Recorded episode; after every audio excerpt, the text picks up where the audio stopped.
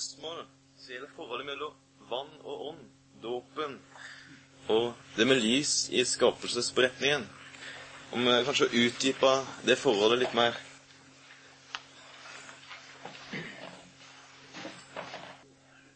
I den greske kirke så kalles dåpen faktisk talt for fotismos. Og det betyr opplysning. Tanken er det at når man kommer inn under dåpen, blir gjenstand for åndens virkning, så bryter også det nye lyset inn. Og det er vel målet med dåpen, er jo troen. Den som, blir, den som tror og blir døpt, skal bli frelst, sier Herren. Jeg tror at vannet, det er dåpens ytre side. Lyset, troen, er dåpens indre side. Og tro og dåp hører jo uløselig sammen. Å utdype det nærmere, da må det jo bli å henvise f.eks. til et ord som av Paulus som Dersom noen er i Kristus, så er han en ny skapning. Han er gjenstand da for Guds suverene nyskapning. Gud begynner på nytt med oss. Han begynner på nytt med vår verden. Han sender lyset inn i den og, og gir oss tilbake til verden på en ny måte og gir verden tilbake til oss og gir oss tilbake til Gud. Det er veldig radikalt. Det kan bare sammenlignes med det som skjedde på skapelsens første dag. Og slik tror jeg alle som har gått igjennom i hvert fall en dyp og kraftig og plutselig omvendelse, har opplevd det. Det er virkelig å komme fra mørke til lys, som Paulus også sier. Han som kalte dere fra mørke til sitt underfulle lys. Det er noe som er så radikalt at det bare kan sammenlignes med å gå over fra døden til livet. Og det uttrykket brukes jo også. Og det må vi holde fast i hele sin fulle innholdsbetydning. Vi kan si at når et menneske kommer til troen, da kommer det tilbake til sitt opphav. Det kommer tilbake til Gud. Det ligger på en måte hos Gud igjen som et nyunnfanget barn, om du vil, for at Gud nå skal gjøre noe helt nytt med det. Peter sier jo at vi er gjenfødt av den guddommelige sæd, som er Guds ord.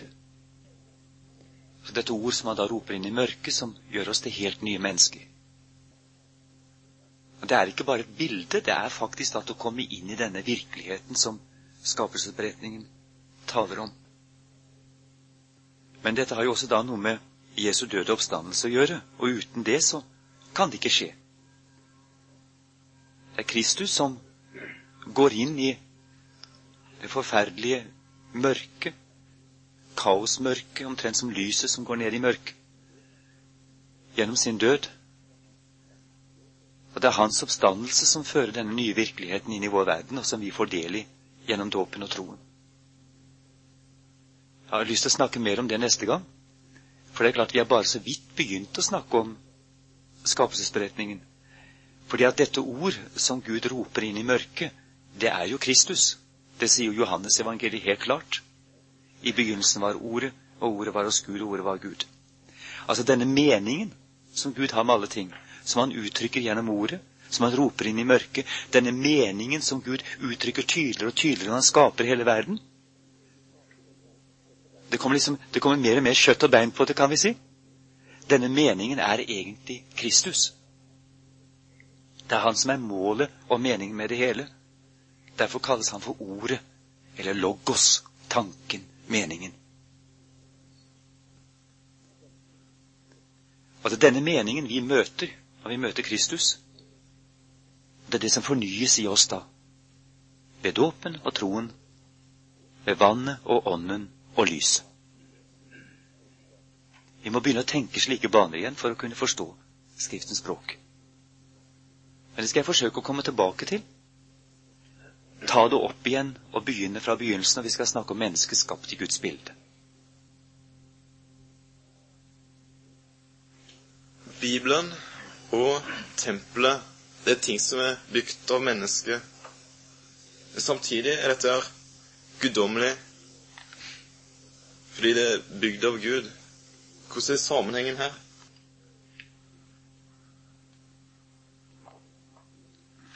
Alle menneskers tider og alle menneskers skjebner er i Guds hånd. Han kan til og med styre sine fiender, slik at de blir nødt til å gjøre hans vilje. Og det er Gud Fader som er den endelige redaktør av disse skriftene. Det er Gud Fader som har gjort det slik at Bibelen en gang har blitt som den er blitt. Og er blitt en sånn underlig bok hvor det kan løpe røde tråder fra første til siste side. Og det ene ordet opplyser det andre. Og plutselig meningen treffer oss slik at vi er nødt til å bøye kne for Gud og si 'Gud, du har rett'. Alle som har møtt Guds ord slik, skjønner jo at dette er et guddommelig ord, ikke lenger bare et menneskelig ord. Men at han har brukt mennesker, feilende mennesker, til dette her, det er en annen sak. Men i Salmenes bok så har vi et en veldig godt ord som Det er ikke så forferdelig lenge siden jeg liksom snubla over det, og jeg plutselig skjønte at det hadde relevans for dette spørsmålet her. Det står i Salme 12, i det syvende verset Egentlig bør hele salmen leses i sammenheng, men vi kan lese det slik.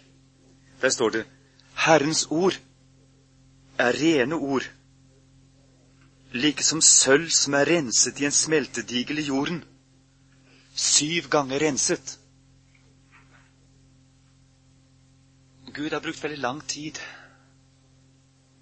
brukt mange slekter, mange generasjoner, for å skrive dette brevet til oss. Og vi må regne med at det er mye pergament som rett og slett er brent opp underveis. Mange ting som kanskje har blitt borte fordi de skulle bli borte. Men det som er blitt igjen, det er de rene ordene. De som er renset liksom sølvet i en smeltedigel i jorden. Syv ganger renset. Har den tillit til Gud at ordet slik vi har fått det, det er ordet slik Gud vil vi skal ha det. Og i dette ordet kan vi gjenkjenne veldig mange menneskelige trekk. På samme måte som vi kan se hvordan stenhuggeren har hugget ut de enkelte stenene i tempelet og satt dem sammen. Men helheten, helheten er helt upåtvilelig. Det er Guds tempel, det er Guds bok og alle enkelthetene spiller sammen og utgjør en helhet som er meningsfull. Noe vi kan gå inn i og finne retningen i. Det er derfor jeg bruker ut, sammenligning med tempelet, egentlig, fordi at det er et rom du går inn i, og der står Eller du kan sammenligne med en kirke. ikke sant? Et rom du går inn i, og der har alle ting sin faste plass, og de taler Guds ord til deg på forskjellig måte, enten det er døpefonten, alteret, prekestolen eller bildene som er der inne. Men selv om det er mennesker som er reiste, så taler alt det ene og samme ord til deg. Forkynner at Gud er god. Han har sendt sin sønn. Han har skapt deg. Han har forløst deg. Jeg synes det er en veldig god hjelpetanke. For da blir vi ikke forstyrret av dette at tross alt at det har vært mennesker her, og at at de på en måte snakker forskjellig dialekt også. Noen skriver på, De fleste skriver jo på hebraisk, en og annen skriver på aramaisk. Og de har forskjellig stil, ikke sant? De har forskjellig måte å uttrykke seg på. Noen er diktere, andre er nokså kjølige prester. Og allikevel så gjør de hver sin tjeneste i den helligdommen. Og til sammen så får de ordet til å klinge fullgyldig. Men et enkelt ord er ikke gitt til egentydning. Det må tydes av de andre ordene det står sammen med. Og Det er derfor det er så viktig at vi stadig leter etter to og tre vitner i Skriften. Som liksom støtter opp om hverandre. For da, da blir ordet klart for oss. Og da blir det sterkt for oss. Men hvis det bare står helt alene og, bare overlater vår tydning, da har vi rett, da har vi grunn til å være usikre. For det er jo vi der òg. Det er ikke bare disse menneskene som har gjort det, men, men vi er jo der òg. Med våre forvirrede tanker. Men eh, jeg tror at Skriften er åndens gjerning. På samme måte som ånden svevde over vannene, jorden ble til, så har Ånden altså svevet over dette arbeidet. Men derfor kan det også egentlig bare forstås ved Guds ånd. På samme måte som Guds ånd har arbeidet ordet frem, meislet ut i Skriften, så kan vi også bare forstå dette ordet ved den samme ånd.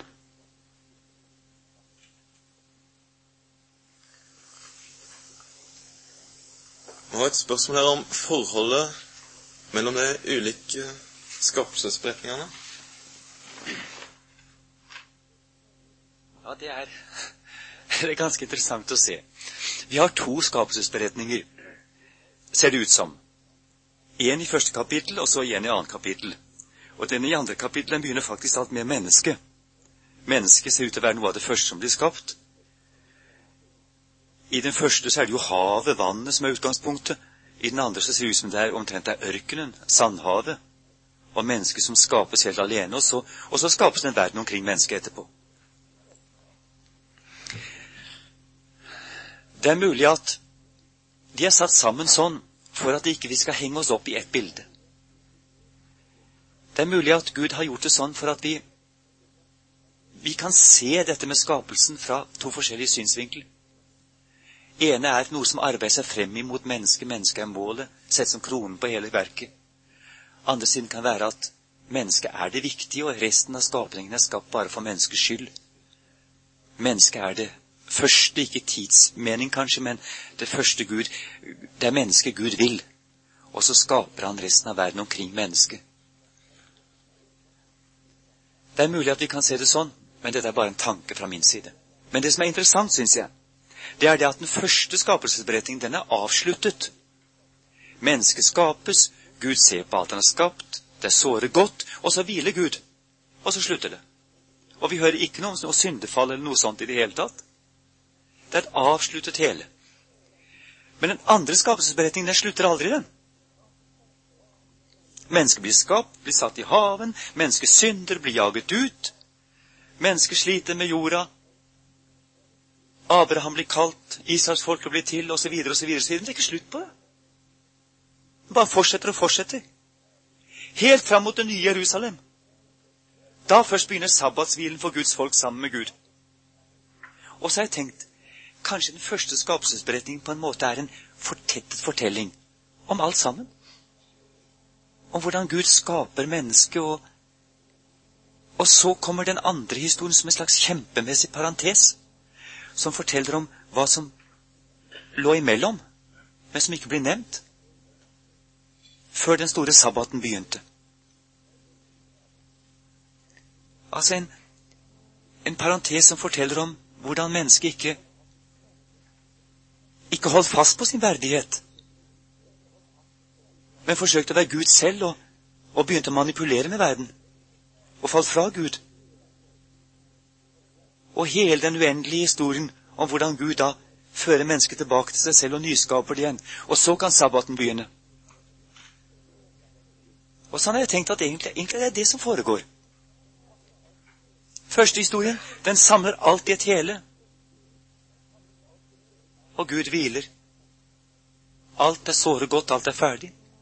Men så kommer da parentesen, som springer ut av den fryktelige sprekken som oppsto og som Gud først måtte hele før han virkelig kunne hvile.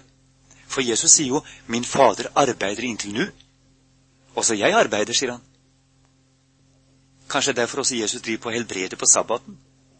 Sjuke folk på sabbaten, det må jo bety at noe er gærent, det. Det er jo ikke sabbat. Det er jo ikke fullkomment. Kanskje vi har lov til å se det sånn. Det er bare en tanke. At det som begynner i kapittel to, det er den kjempestore parentesen som varer enda og som vi er midt oppi. Forsøk å se det på den måten når vi skal gå videre.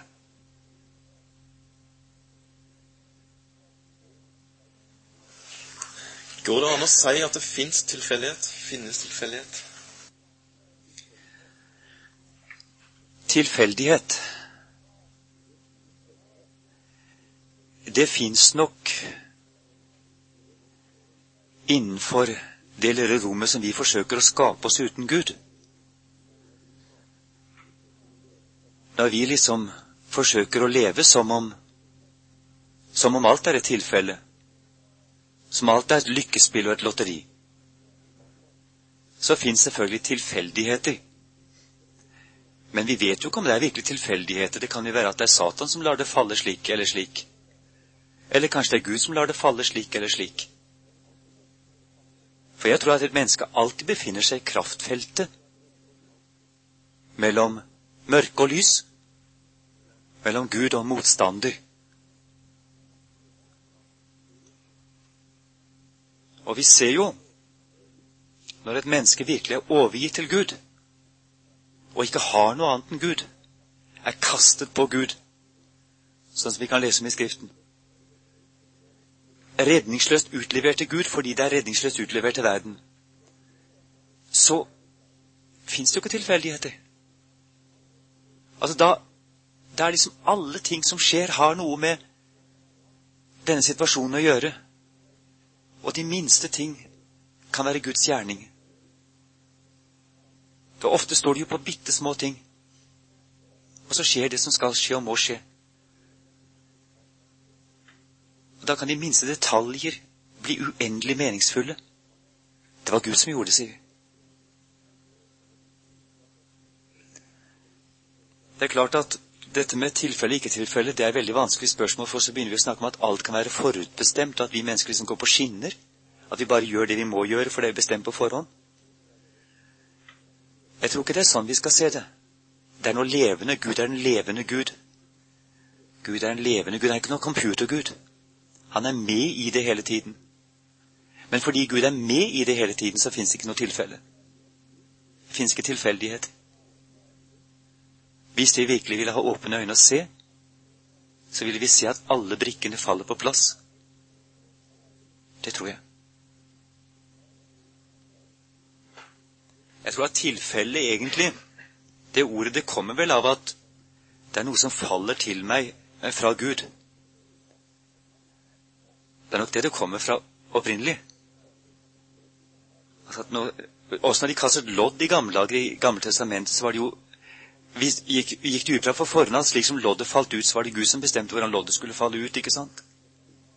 Falt det slik eller slik? Ble det krone eller mynt? Det er det ordet tilfelle egentlig kommer av. Min lodd falt meg liflig. En lodd tilfalt meg som er liflig som man kan lese i, i Skriften. Og det betyr jo egentlig noe som Gud tildeler meg, altså.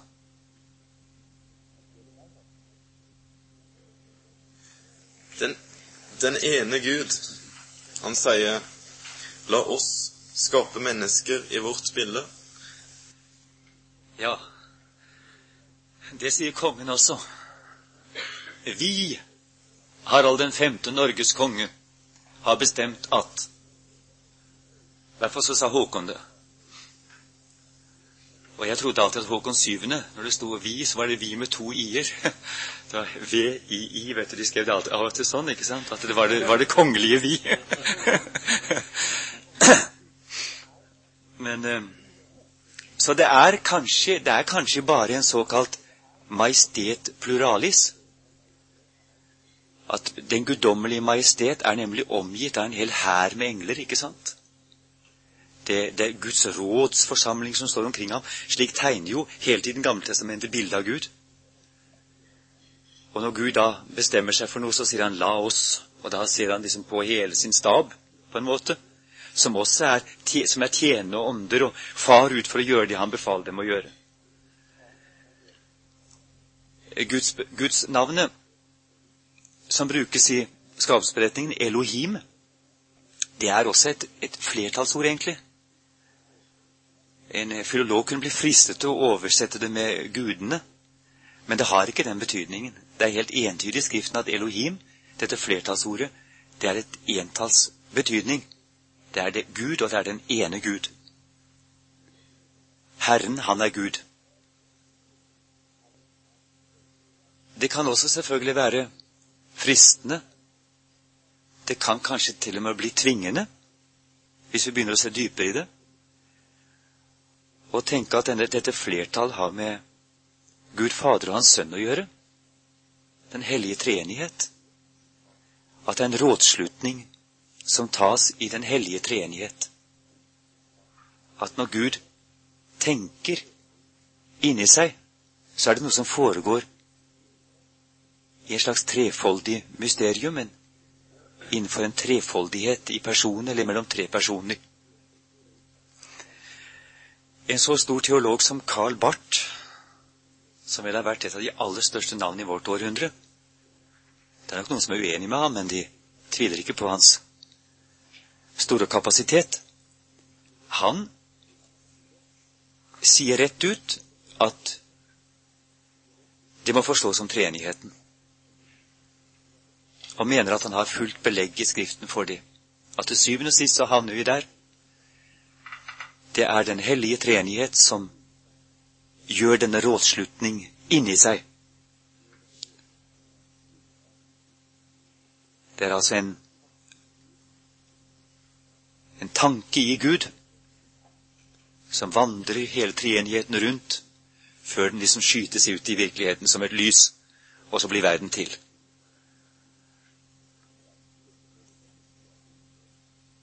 Kirkefedrene brukte jo alltid det stedet som et av bevisene for treenighetslæren.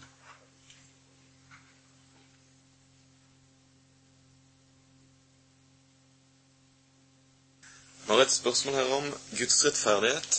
og Vi kan kanskje vinkle det inn mot skapelsen. Hvor finner vi Guds rettferdighet i skapelsen? Hva er Ja, jeg vet ikke Du kan si noe om det? Det kommer jo an på Det kommer jo an på litt hvordan Hva som ligger i spørsmålet. Altså Guds rettferdighet Vi skal jo siden komme inn på syndefallet, og den bristen som er kommet inn i alle ting gjennom vårt syndefall. Jeg har forsøkt å uttrykke det slik i et dikt en gang at det fins en splint av Kristi kors i alle ting. Det kommet, det har oppstått en katastrofe, det har oppstått noe forferdelig vondt som har med menneskets høye verdighet å gjøre. Som har med menneskets holdt jeg på å si, guddommelige verdighet å gjøre. Og som får som resultat i alle disse vonde tingene som vi protesterer mot i vår virkelighet. Og som gjør at vi sier Gud kan ikke være en rettferdig Gud. Gud kan ikke være en kjærlig Gud. Men dette vonde som vi protesterer mot, det er noe vondt også som faktisk alt gjelder for Gud. Og det får vi avslørt og avdekket gjennom Kristi kors. Og Gud selv går inn i denne forferdelige lidelsen, i denne forferdelige uretten, lider uretten, går inn under sykdommen, lidelsen, går inn i døden og fortvilelsen og angsten.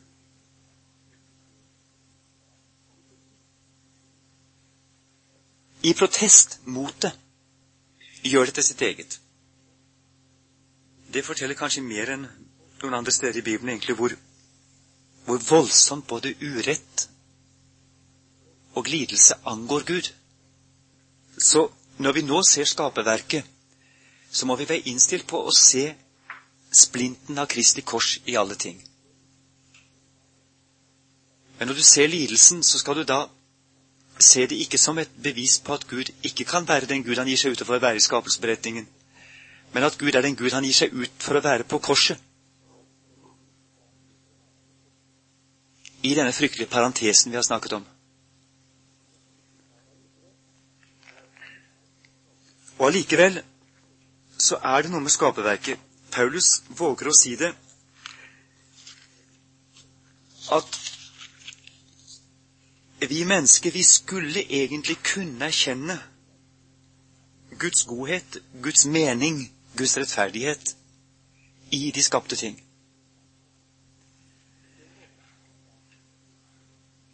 På en måte er verden gjennomsiktig. Den er på en måte selvinnlysende hvis vi ville bare ville åpne oss for lyset. Vi er uten unnskyldning for at vi blir i mørket, og ikke ser det som ligger helt oppi øynene på oss, at ikke vi ser skogen for bare trær. I Romerbrevet i det 19. kapittel så sier Paulus det en kan vite om Gud, ligger åpen for dem, for Gud har åpenbaret dem det. For hans usynlige vesen, både hans evige kraft og hans guddommelighet, er synlig fra verdens skapelse av, i det det kjennes av hans gjerninger, for at de skal være uten unnskyldning.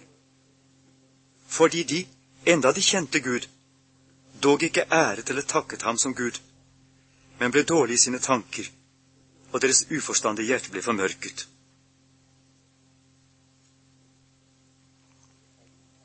Der sier jo Paulus klart at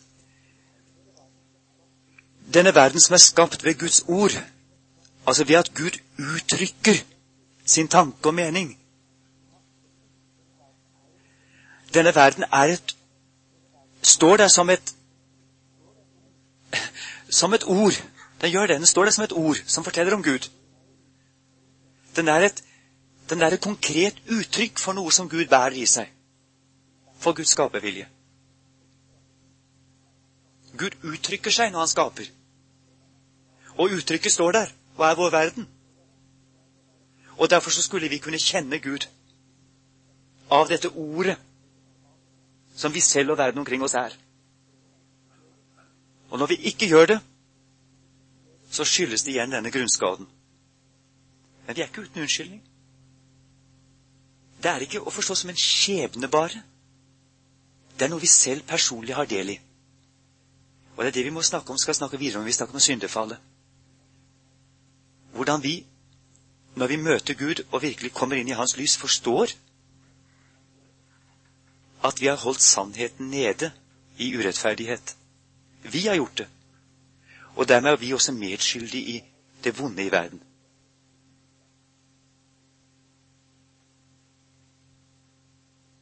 Det er jo klart at lyset kan nå deg før, før du blir døpt. Paulus er et eksempel på det. Og lyset ble så sterkt at han ble helt blind. Og han visste verken ut eller inn.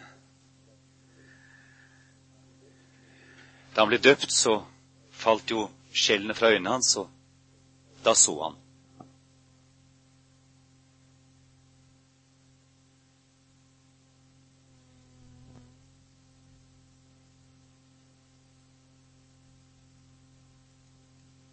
For jeg tror det at i en sånn tekst så er ikke noe tilfeldig. Når det sies slik og slik, så er det fordi det skulle sies slik og slik, og ikke annerledes.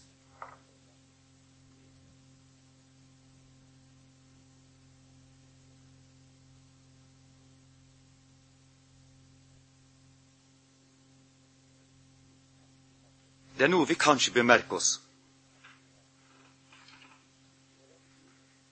Det er at Gud kommanderer på litt forskjellig måte. Det står at Gud skaper ved sitt ord. Gud sier noe, han nevner det, og så står det der.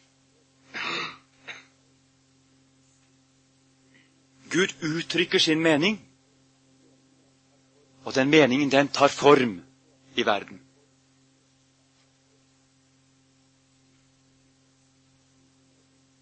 Det er et uttrykk for Guds allmakt.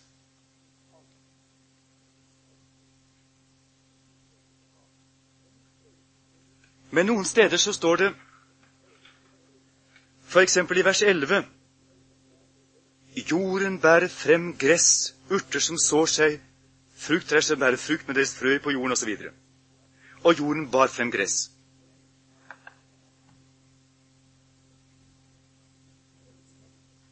Det ser ut som at den jorden Gud har skapt, og som har latt stige frem av kaos, den har på en måte en egen kraft i seg. For Gud sier ikke 'det blir planter', men han sier 'jorden skal bære frem planter'. Han befaler jorden at jorden skal bære frem plantene. Og på den måten kommer, kommer det til uttrykk at at verden både er skapt av Gud, den ropes frem av ingenting av Gud, men den fortsetter også å være med på skaperprosessen. Det samme gjelder når det kommer til dyrene på jorden. Da frembringer også dyrene, disse, denne, disse, jorden disse dyrene. Og Det er tydelig at her er nyanser. Gud er nok skaperen som skaper allting direkte, men samtidig så er det også noe i naturen som samarbeider med Gud. Det er også noe som naturen på en måte føder ut av seg, ut fra de anlegg som Gud har lagt ned i naturen. Da skal ikke vi nevne de enkelte skapertrinnene. Det er ikke nødvendig. Men merke oss hva som er målet for hele denne prosessen. Målet er mennesket. Målet er deg og meg. Det sies helt klart, kompromissløst, at det er mennesket som er kronen på skaperverket. Mennesket var det målet Gud arbeidet seg frem imot. Først skapte han livsrommet, så skapte han plantene, så skapte han dyrene som kunne leve av plantene. Og så til slutt, når verden sto ferdig, så førte han mennesket inn. Da førte han mennesket inn i en verden som mennesket kunne leve i, og som mennesket skulle styre. Og så kan vi si at dette mennesket får høre denne skapelsesberetning for å finne sin plass i verden. For å være et fritt menneske, et menneske med selvrespekt, et menneske som ikke bøyer seg for maktene i tilværelsen, stjerner og guder, men som står oppreist fremfor sin Gud. Et menneske som ser mening i tilværelsen, sammenheng i tilværelsen, og som vet at denne Gud er herre over alle tider og dager. Og Det er det bibelske verdensbildet og det bibelske menneskebildet.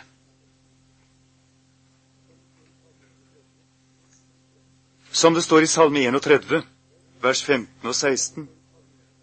Jeg setter min lit til deg, Herre. Jeg sier, du er min Gud. I din hånd er mine tider. Redd meg av mine fienders hånd og fra mine forfølgere. I din hånd er mine tider. I din hånd er hver eneste dag. I din hånd er hele min verden og hele mitt liv. Du og du alene er Gud.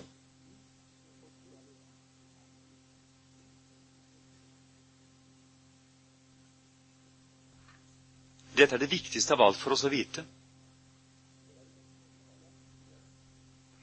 Ja, vi kan på en måte si at hvis vi hadde hatt dette ubrutte forholdet til Gud, så hadde vi ikke behøvd å vite mer enn det som står i første Mosebok i det første kapittel. Det er hele den store sammenhengen vi lever i. Enkelt fortalt som til et barn.